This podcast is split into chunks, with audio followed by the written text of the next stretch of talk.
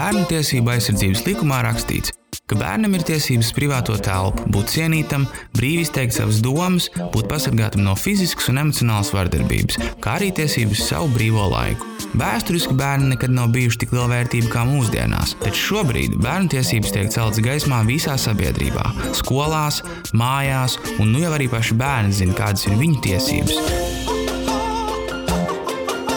Taču kā ar pienākumiem? Kur ir tā robeža starp bērnu tiesībām un pienākumu pildīšanu? Atskatoties uz savu bērnību, rodas sajūta, ka mēs kā bērni esam paredzēti tikai lai koptu māju un izpatiktu vecāku vēlmēm. Ne, nu, daudz bērnu ģimenē jau nav tā tāds jautājums, kā būtu, vai mēs tur iedotu pienākumus, vai tas būtu forši bērnu attīstībai. Tur jau tādi jautājumi tā kā neeksistē. Vai nu mēs kopā strādājam, vai jūs mirstat badā nost? Beinera ģimene ir trīs bērnu ģimene no Siguldas. Tēvs Toms ir fiziķis un biznesa profesionāls, māma Vita - mākslas terapeite, kur arī šobrīd mācās un vada vecākiem atbalsta grupas. Viņi ir vecāki trīs pamatskolniekiem - Sofijai 7 gadi, Albertam 9 gadi un Dāvidam 10. Pienākumi ir tas, ka tu ģimenē tev vecāki uzdod, kā tev, piemēram, ir jāskrāmē trauki, jāskrāmē un jāskārto istaba, un tie ir pienākumi. Tev viņi ir jāizdara. Ģimene nemitīgi cenšas balansēt starp kopīgu laiku pavadīšanu un pienākumu pildīšanu. Iesaistīti visi, nav variantu.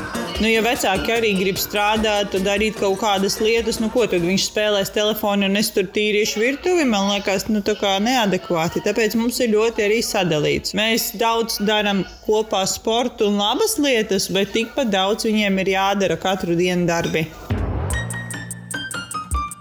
Mums vēl jāmazgā moči. Bet, nu, Ieteicis viņus nenomazgā. Es vakar nomazgāju visus bērnu močus, visus piecus močus. Mums ir četri bērnu moči. Pieci. Ne, pieci. Pieci bērnu moči. Kopīgi mēs darām daudz lietas, ziemā slēpojam, tad vīrs vairāk arī ar močiem ar bērniem brauc. Ejam pārgājienos, braucam ar laivām, ar riteņiem. Ļoti daudz ko mēs tā darām. Jo man liekas, ka svarīgi ir kaut ko darīt kopā, lai nav tā, ka tikai tev ir tāds audzināšanas darbs. Arī šodien vienošanās, ka vispirms būs darbs, jāpastrādā dārzā, jātīra mašīnas, tad burgeru cepšana. Savukārt rīt pārgājiens ar vecākiem. Man liekas, viņi vēl netic līdz galam.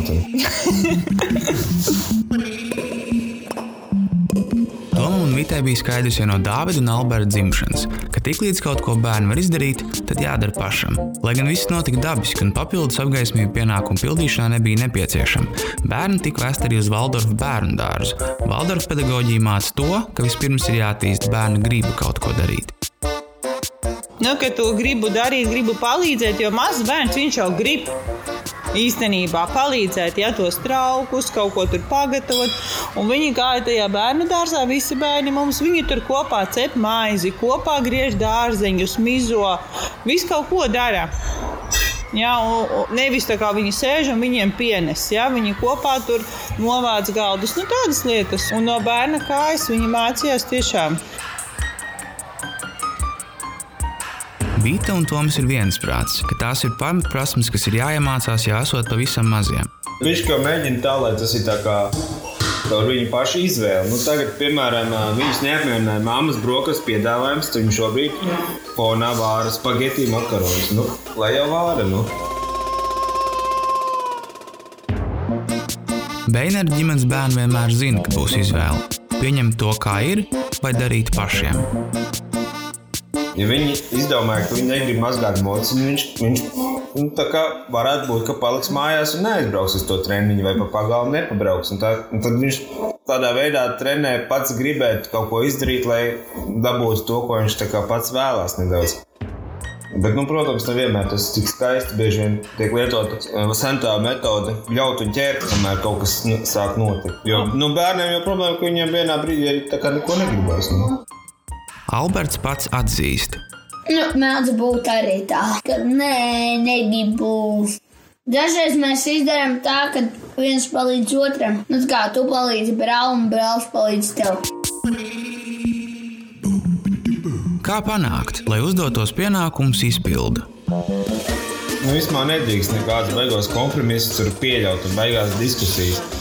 Bet tad katru reizi gribēsies diskusijas, un kādu mēs tagad pārdalīsim, vai kaut ko tādu.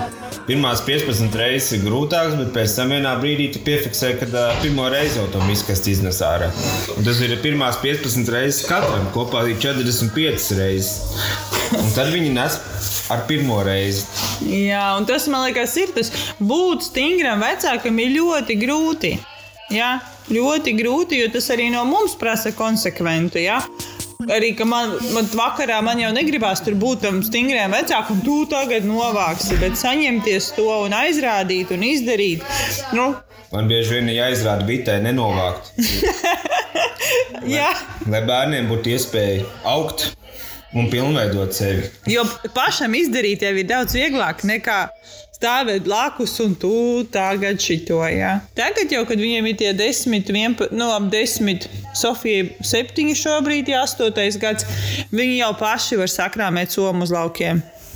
Uz cik dienām mēs braucam, kādi laika apstākļi, viņi paši to var salikt. Un tas ir divu gadu darbs, tagad atmaksājas, ka viņi katrs var salikt savu somu, un man nav jāprasa. Un, ja nepaņēma, tad nepaņēma. Un teica, tagad ar greizsirdību skatās, ka bērni var paši ielikt piekabē emociju, izņemt ārā un nomazgāt pēc treniņa. Viņiem tas liekas kaut kas tā nereāls. Jā, nu, jo citi tur tā kā nu, visu laiku ap to bērnu, ja tur pienes, piedod, iedod mums tā. Mēs katrs vēlamies būt perfekts. Ne tā? Kas vispār ir perfektais vecāks?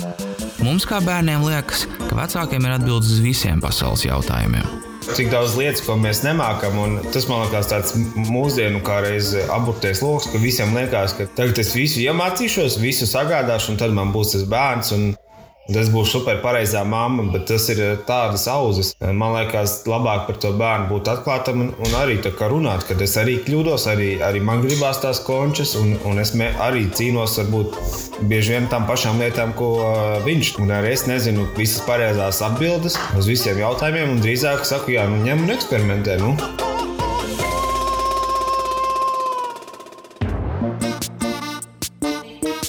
Kurš kam klāt gultu? Jau vakarā atkal esmu gulēt, un tas būs jādara atkal nākošajā rītā. Kā tad ir ar bērnu pienākumiem? Kāpēc tā gulta ir tomēr jāsaklāj? Es arī tagad mācos un vadu vecākiem atbalsta grupas, kā tikt galā pusaudžiem. Ja?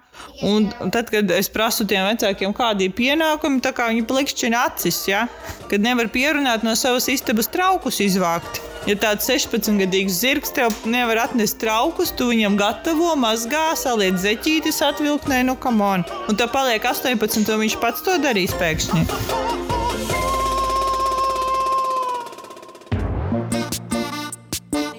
Nezinu, es nevaru apgalvot, tagad, tā kā darām mēs, ka tas ir kaut kāds super pareizais ceļš. Un, un tāpatās arī mums ir tur joprojām gan daudz izaicinājumu, un esam nekā tur perfektie, kā saka, tiek pielietot bieži vien arī uzbļauju un ko, kas, protams, nav tā kā labi. Nu. Nu, kā nevajag kā iedomāties, ka ir kaut kādas perfektas ģimenes, kas, no kuriem tur viss tur baigi jāmācās. Es domāju, ka katrs jau aptver īstenībā sirdī jūt, kas viņam tur jādara vai, jāiet tik uz priekšu. Audio stāstu veidoja Laura Balgača, Lorita Līva Lazdiņa, Jānis Kazuls un Toms Hinzenbergs.